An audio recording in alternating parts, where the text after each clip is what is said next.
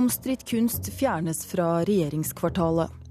NRK nekter å oppgi navn på hemmelig politikilde, møter Spesialenheten for politisaker i Høyesterett i dag.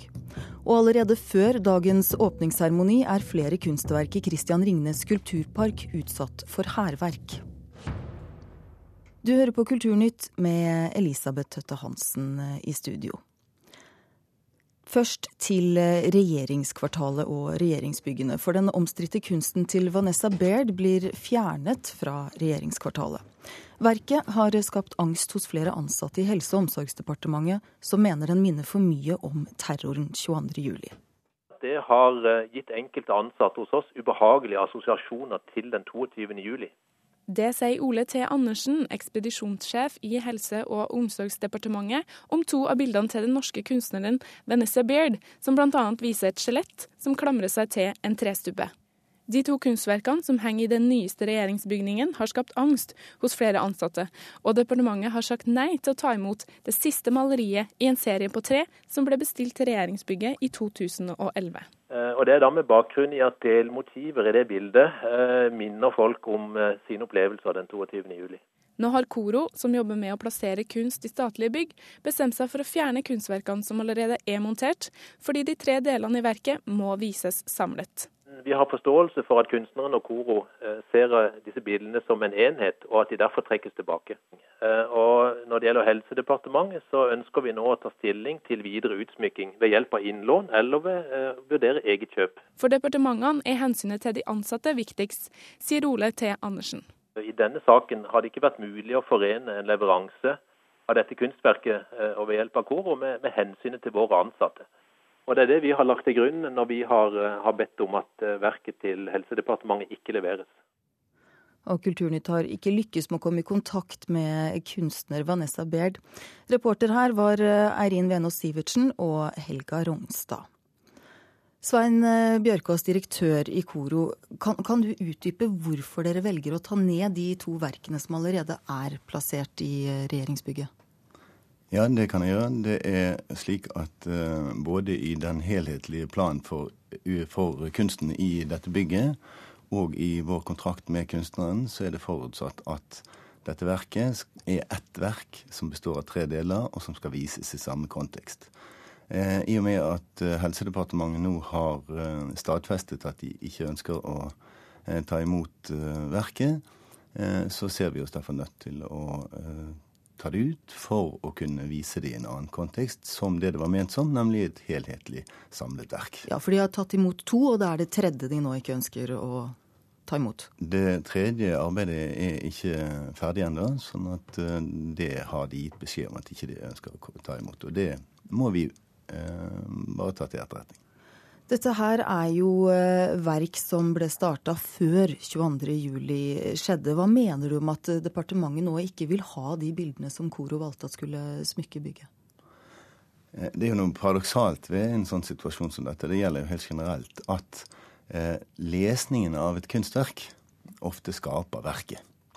Eh, sånn at eh, her har det vært Dette er jo verker som eh, ikke har vært intendert som, eh, noe, som 22. juli-bilder. Eh, de har, eh, kan leses på mange andre måter, men pga. den sterke lesningen som har vært, den eh, eh, samtalen som har oppstått rundt dette verket fra brukermiljøenes side, så har det så å si, i hvert fall det ene bildet her, så å si fått dette stempelet at det er blitt et 22. juli-verk. Og Sånn er det. Og det er en del av denne realiteten, det også. Selvfølgelig er det det. Men eh, to av bildene de er jo allerede montert, og de blir nå også tatt ned. Hva vil skje med disse verkene nå? Det vi eh, kommer til å gjøre fremover, er at vi vil se etter alternative anvendelser for disse tre verkene. Slik at vi kan vise dem i en sammenheng. Det er eh, flotte verker, dette. Det er, de, det er store monumentalmalerier som fortjener en offentlig, eh, å bli tilgjengelig for offentligheten. Eh, og eh, vi kommer til å bestrebe oss på å finne et godt sted å plassere dem. Men bildene har skapt så sterke reaksjoner da i dette departementet. Hvilke andre bygg kan man se for seg at de kan monteres opp i? Som jeg sa i sted, så er det sånn at lesningen på mange måter avgjør hvilke eh, konnotasjoner disse bildene gir. Og det er Eh, dette er bilder som kan, er veldig rike på lesningsmuligheter. Eh, de er først og fremst bilder som ligner på bilder malt av eh, kunstneren Vanessa Beard. Og det er fullt mulig å få plassert disse bildene i kontekster der dette ikke blir fokusert. Det er vi helt sikre på. Og jeg er overbevist om at dette kommer til å bli ansett som viktige bilder i norsk offentlig kunst. Men det å fjerne verk på denne måten, hvor mange ganger tidligere har Koro gjort det? Det er heldigvis veldig sjeldent at uh, sånne ting skjer. Det har hendt før uh, i korets historie noen få ganger at uh, man har tatt ut verk som er blitt plassert inn i et bygg eller på en uteplass. Men forutsetningen, eller det, har, det, som da har skjedd, er at man har prøvd å ha arbeidet der en stund, og så har ikke det gått. Og da har vi tatt hensyn til det og tatt det vekk. Så det vil også forsøke å finne et uh, nytt bygg hvor disse verkene til Vanessa Baird eh, blir satt opp. Takk skal du ha, Svein Bjørkås, direktør i Koro.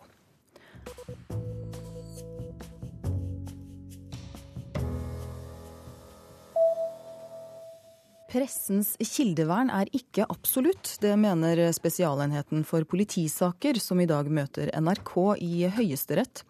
Spesialenheten vil ha utlevert identiteten til en polititjenestemann som forsøkte å selge sensitiv informasjon til NRK i forbindelse med etterforskningen av 22.07-saken. Helt uaktuelt, svarer NRK. For oss så er det jo helt avgjørende å kunne beskytte våre kilder. Eh, så sånn sett så er kildevernet absolutt, og det er også nedfelt i Vær varsom-plakaten. Vibeke Haug er redaksjonssjef i Brennpunkt. Det var hennes redaksjon som fikk tilbud fra en ansatt i politiet via en mellommann å kjøpe informasjon fra etterforskningen av terrorsaken for to år siden. Dette er forsøk på korrupsjon i politiet, mener Spesialenheten, som krever at NRK utleverer identiteten til kilden. NRK vant frem i tingretten, mens Spesialenheten vant frem i lagmannsretten. Og Derfor så var det helt avgjørende for oss å gå til Høyesterett. Det skjer fra tid til annen at polititjenestemenn bryter taushetsplikten og gir pressen informasjon. Brennpunktsaken er spesiell, sier assisterende sjef i Spesialenheten, Guro Kleppe. Spesialenheten for politisaker har etterforsket mange saker som angår lekkasjer fra politiet til eh, pressen. Eh, tidligere har vi ikke ment at det har vært riktig å utfordre kildevernet, men eh, i denne saken så mener vi at det at det dreier seg om korrupsjon, skiller saken fra andre saker som vi tidligere har hatt, eh, og at det derfor har vært riktig å mm, ta saken til retten. Kleppe påpeker at det handler om samfunnets tillit til politiet når det er korrupsjon inne i bildet. Generalsekretær Kjersti Løken Stavrum i Norsk Presseforbund mener likevel at mediene ikke kan pålegges av retten å fortelle om straffbare forhold. Vi gjør det eh, via journalistikken vår eh, og, og, de sakene som vi avslører. Eh, og bruker eh, egne eh, flater til å fortelle om, eh, om, det vi avslører. Og det er der vi gjør det. Vi gjør det ikke som Eh, som vitner eh, i rettssaker. Brennpunktsjefen frykter kilder kan bli skremt til ikke å dele informasjon, også i andre saker, dersom Høyesterett etterkommer Spesialenhetens krav. Hvis ikke vi skulle få medhold i dette nå, så mener jeg at dette vil kunne få en såkalt avkjølende effekt for varslere og borgere i dette samfunnet som sitter på vesentlig informasjon som vi da ikke vil få tilgang til. Ytringsfrihet er en menneskerettighet. Ytringsfrihet er et premiss for at pressen skal kunne fungere optimalt. Og jeg er helt sikker på at i Norge ønsker vi at pressen skal kunne fungere optimalt. Mens både Presseforbundet og NRK mener kildevernet er absolutt, sier Guro Kleppe i Spesialenheten for politisaker at det går en grense for hvor sterkt kildevernet kan være. Det er klart at det er en del av, av den uh, vurderingen som, uh, som, vi har gjort, og som vi mener at det er riktig at retten skal gjøre i denne sammenhengen. Uh, kildevernet er viktig i et demokratisk samfunn, men er ikke, det er ikke absolutt. Og NRK valgte ikke å kjøpe informasjonen de ble tilbudt. Reporter Thomas Alverstein Ove. Klokka er snart et kvarter over åtte. Du hører på Kulturnytt i P2s Nyhetsmorgen, og dette er de viktigste sakene i nyhetsbildet akkurat nå. KrF og Venstres stortingspolitikere har ikke fått vite om de får stanset oljeleting i Lofoten og Vesterålen dersom partiene går inn i regjering. Partilederne har vært sparsomme med informasjon om sonderingene, også til sine egne. Og ny optimisme i fredsprosessen mellom palestinerne og Israel. Det er budskapet fra giverlandsgruppen, som ledes av Norge. Norges største privatfinansierte skulpturpark åpner i dag på Ekeberg i Oslo. 350 millioner kroner har Christian Ringnes brukt på skulpturene av bl.a. Salvador Dali, Per Ung og August Renoir. Men allerede før åpning er kunsten utsatt for hærverk. Nå går vi langs eh, det som vi har kalt hovedrunden i parken. Det er en sløyfe, en grusløyfe på ca. 1500-1600 meter. Blant slanke bjørketrær vandrer direktøren for den nye skulpturparken på Ekeberg, Ina Johannessen. Det er um, Dan Graham sin uh, glasspaviljong. I dag er det tid for den offisielle åpningen av Christian Ringnes sin skulpturpark. Men store deler av området har lenge vært åpent for publikum. Og det har satt sine spor. Vi har hatt et par tilfeller eh, hvor noen ting har skjedd. Noen har eh, eh, tagget noen ting på noen av skulpturene, og en skulptur har eh, noen tatt så mye på og bøyd litt på, så den har eh, blitt litt skjev. Så kunstneren er her nå og holder på med den. Og det håper jeg at er et passert kapittel, at vi slipper det i fremtiden. Men at man da isteden respekterer og hjelper oss å ta vare på. For dette er en gave til byen. Det ser ut som det vil bli et økt besøk til området, og da vil man jo sammen kunne ta vare på og eh, sørge for at eh, området holdes ved like. Vi stopper et par tilfeldig besøkende. Hei, unnskyld. Kan jeg stille et litt spørsmål? Og spør de om de tror skulpturene vil kunne stå i fred. Det skal jo bli et, spennende å se hvordan det blir holdt, om det blir tagging, om det blir hærverk. Vi vet jo fra før at vandaler og bøller går amok når de får anledning. Men jeg håper virkelig ikke det skjer. I, i Frognerparken er det jo fullt av folk nesten bestandig. Selv der blir jo Sinnataggen stjålet. Den blir tagget, ikke sant. Den blir malt rød, eller hva den er blitt for noe. Så, og her er det jo mye mer nær sagt, frihet for eh, tullebukker til å ødelegge. Så Det er bare et eksempel på en av de skulpturene har, jeg har i min skal si, portefølje. da. Tordenskjold-monumentet utenfor rådhuset i Oslo er et av rundt 500 skulpturer som Kulturetaten har ansvaret for. Lilly Wicki er skulpturkonservator her, og har tidligere jobbet i Vigelandsparken. Jo, når det gjelder øh, øh, hærverk på skulpturer, så er kanskje det største problemet er jo tagging. Altså I Vigelandsparken så har det jo vært noen øh, problemer mer kanskje med, med tagging i perioder. Og det har også vært noe annen type skadeverk der. Så der satt jo de opp videoovervåking i 2005 for å forebygge. For da, da var det litt sånn mye gjentatte ganger. Vicky trekker fram skulpturen Sinnataggen som eksempel. Fordi den har så stor symbolsk verdi for så mange, så er det jo kanskje Sinnataggen det går utover hvis det først er noen som er i parken og, og skal gjøre litt hærverk, da. Og det er synd. Hvis man har eh, verdifull kunst og, og, som er utsatt for hærverk, så må man jo gjøre noe. Det er klart, Du må jo gjøre noe tiltak da. Og Johannessen hos Skulpturparken forteller at de har innført flere sikkerhetstiltak. Ja, vi har samarbeidet med, med ulike instanser som har erfaring med å sikre kunstverk som står ute i det offentlige rom. Um, og det er ulike typer for uh, alarmering og uh, overvåkningstiltak som er gjort. Uh, ulike måter å detektere eh, bevegelse eller uønsket oppførsel. Er det lov til å ta på statuene? Ja, det er det. Og det ville være en umulighet for oss egentlig å forhindre. Ja, det sa til slutt direktør for Skulpturparken Ina Johannessen. Reporter var Christian Ingebretsen.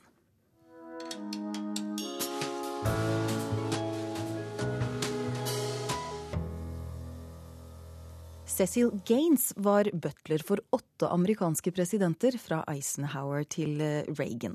Nå er det laget film om livet hans med tittelen The Butler. Dette er årets store filmidé, men er blitt til bare et litt mer enn gjennomsnittlig produkt, ifølge Einar Gullvåg Staalesen.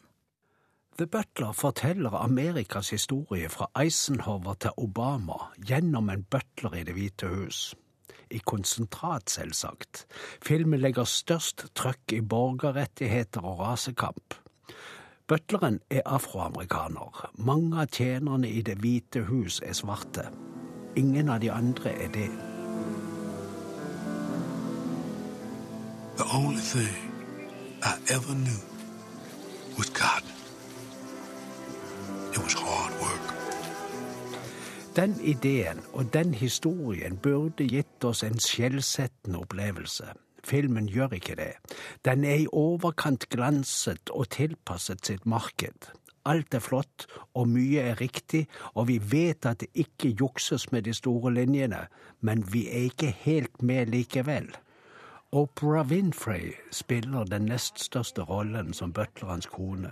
Det sikrer noen millioner flere publikummere, hos oss noen tusener. Oprah Winfrey er dessuten ganske god. I got reason. No, you don't. I told you I went down to the number spot, Det er mer tvilsomt at Forrest Whittaker har hovedrollen. Han har et spesielt ansikt og sjelden utstråling, som er sterkt eksponert i en god del roller før. Han er såpass mye type som skuespiller at vi trekker med oss inntrykk fra andre filmer når vi opplever ham. Det er ikke bra. Jeg synes jeg ser en annen person enn han regissøren Lee Daniels vil ha der. Sånn sett skulle Winfrey også være belastet, men her fungerer det ikke slik, ikke for meg. Maria Carey har en rolle. Det er et kommersielt valg, det også, men hun er ikke et problem for opplevelsen. Jane Fonda er heller ikke det, hun spiller Nancy Reagan. Og ikke Vanessa Redgrave som gammel frøken på bomullsplantasjen, og ikke Robin Williams som er Eisenhower. Det er spesielt interessant å observere skuespillervalgene i presidentrollene. Den mest underholdende og avslørende er John Cusack som Richard Nixon. Alan Rickman er en god Ronald Reagan. Det er en enorm rollebesetning i filmen. Det er jo fire-fem tiår med amerikansk historie her. Her begynner den. Pop, where you taking mom? Get back to work. Cecil, come back here, boy. Lille Cecil ser at mor blir trukket inn i lysthuset og voldtatt av plantasjens herre. Gutten og alle de andre på marken hører skrikene derfra. Far blir skutt mellom øynene når han meget forsiktig gir uttrykk for mishag. Da blir Cecil tatt inn i huset av husets gamle tante. Han skal bli husnigger. Hun skal lære ham opp. Cecil har aldri gått på skole, men han er lærnem og utvikler seg raskt til den perfekte servile servitør. Som ung voksen får han jobb på et luksushotell i New York. Der serverer han ved en anledning hovmesteren i Det hvite hus, uten å vite hvem gjesten er. Han blir innkalt til konferanse og tilbudt jobb. Den historien er visst nesten sann. Ja, Det sa altså vår filmanmelder Einar Gullvåg Staalesen, og flere filmer blir presentert i Mørkets opplevelser i kveld klokka 19 her i P2. Nå skal det handle om språk, for i dag er det den europeiske språkdagen. Det feires med en rekke arrangement over hele Europa, og i Oslo markeres språkdagen med utstillingen Leve språket på Nasjonalbiblioteket. Og seniorrådgiver ved Nasjonalbiblioteket, Johanne Ostad. Dere har brukt året på å dokumentere hva slags språk som brukes i dagligtale i dag, spesielt blant ungdom.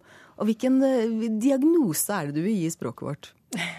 Jeg vil si at språket vårt er friskt og oppegående, og det har mange gode år foran seg. Ingen sykdomstegn? Ingen sykdomstegn foreløpig. Nei, altså vi har et utrolig rikt språk og mangfoldig språk. Vi har flere skriftspråk. Vi har mange dialekter, og de står mye sterkere i Norge enn de gjør i veldig mange andre land. Så det er bra. Men du sier et sterkt språk og rikt språk. Hvordan da? Unnskyld? Et sterkt språk og et rikt språk, hvordan da, tenker du? Jo, det er det vi har så utrolig mange måter å uttrykke oss på. Og i vårt land så er disse måtene akseptert på en annen måte enn i andre land. Dette at vi kan sitte og snakke dialekt, at jeg kan sitte og snakke til deg på bergensk på radioen f.eks. Og skjønne hverandre. Og skjønne hverandre, ikke minst. Dere har også funnet at ungdommer er eh, veldig bevisste språkbrukere. På, på hvilken måte? Jo, vi arrangerte en skolekonkurranse. Og dette er i forbindelse med det nasjonale språkåret, som også markeres i år. Og vi fikk inn 80 eh, bidrag. Og ungdommen viser at de vet veldig godt hvordan de snakker, når de snakker, osv. Men ofte så tenker man jo kanskje på ungdomsspråk som et språk med litt sånn lav status. At ungdom kanskje nettopp ikke vet hvordan de snakker og hvorfor de bruker de eh, ordene de gjør. Men uh, har måten ungdommer snakker på alltid vakt litt sånn forargelse blant uh, voksne? Ja, det har de jo. Og vi har en bok i utstillingen vår fra 1885. Og der er forfatteren veldig forarget over det han kaller for språkets visne blomster. Og det er altså ungdomsspråket, det er sleng, det er germanismer, som det var på den tiden. Nå er det jo engelske ord som brukes. Men det som vi ser, det er at dette bruker ungdommen veldig bevisst. Og det er faktisk et bevis på at de er kompetente språkbrukere. Men hvor, Er det typisk engelsk, som du sier? Er det noe annet som, eh, som preger ungdomsspråket? Altså, i Oslo så er det jo en del innvandrerspråk som har preget uh, slengen. Men det er bare en liten, liten del av ungdomsspråket. Hvordan da? Uh, altså i Norge er jo et stort land, og vi har, uh, vi har, sleng i alle dialekter, i alle landsdeler. Og de er også til dels preget av dialekten i de ulike landsdelene. Så det er ikke bare i Oslo. Men da litt tilbake til selve den europeiske språkdagen. Hvorfor trenger vi den? Det som er fint med sånne merkedager, det er jo at man blir inspirert til å gjøre noe. F.eks. lage en utstilling. Og da kan man plutselig oppdage at jo, språk er ganske interessant. Kanskje har man ikke interessert seg for det før, men i forbindelse med et prosjekt eller en utstilling, så ser man at jo, dette her var faktisk kjempegøy. Hvorfor er det så viktig å, å, skape den interessen? Har vi ikke nok interesse for språket vårt som det er? altså, Jeg er jo språkviter, så jeg vil jo at alle skal interessere seg for språk. Men det er klart at språk er en del av identiteten vår. Det er så utrolig viktig for oss. Og da er det viktig å skape interesse, glede, og at man skjønner at språk er viktig uansett hvordan man snakker. Der eh, har vi da også da den europeiske språkdagen, som nå feires eh, over hele Europa. Og her i Oslo så er det altså Nasjonalbiblioteket som har denne utstillingen Levespråket. Takk skal du ha, seniorrådgiver Johanne Ostad.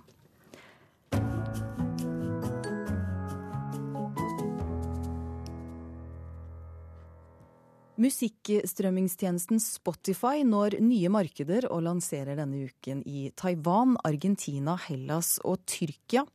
Det svenske selskapet har dermed fått innpass i til sammen 32 land, og oppgis nå å ha 6 millioner betalende kunder og 24 millioner gratis lyttende. Det skriver Dagens Næringsliv og Mozarts komposisjoner er den mest populære ventemusikken i engelske kommuner. Et nyhetsbyrå har spurt 150 kommuner i England om hva slags ventemusikk de bruker, og de mest populære stykkene er Eine kleine Nachtmusikk og Mozarts symfoni nummer 40. Debussy, Händel og Strauss er også blant de mest populære ventemusikkomponistene. Og flere norske artister krever nå svar fra plateselskapet Tylden og co. om rettighetene til mange av sine mest kjente låter. Det skriver Dagens Næringsliv. Artister som Ole Ivars og Bare Egil har utgivelser knyttet til et musikkforlag som tidligere var eid av Tylden. Men uklarheter rundt salget av dette musikkforlaget gjør at flere artister nå ikke vet hvor penger utbetalt fra rettighetsorganisasjonene har blitt av. Kulturnytt er slutt for i dag. Vi har fortalt eh, bl.a. at omstridte kunstverk fjernes fra regjeringskvartalet, og at NRK nekter å oppgi navnet på en hemmelig politikilde, og møter Spesialenheten for politisaker i Høyesterett i dag. Dagens sending var ved produsent Halvor Haugen, teknisk ansvarlig Hanne Lunås og programleder Elisabeth Tøtte Hansen.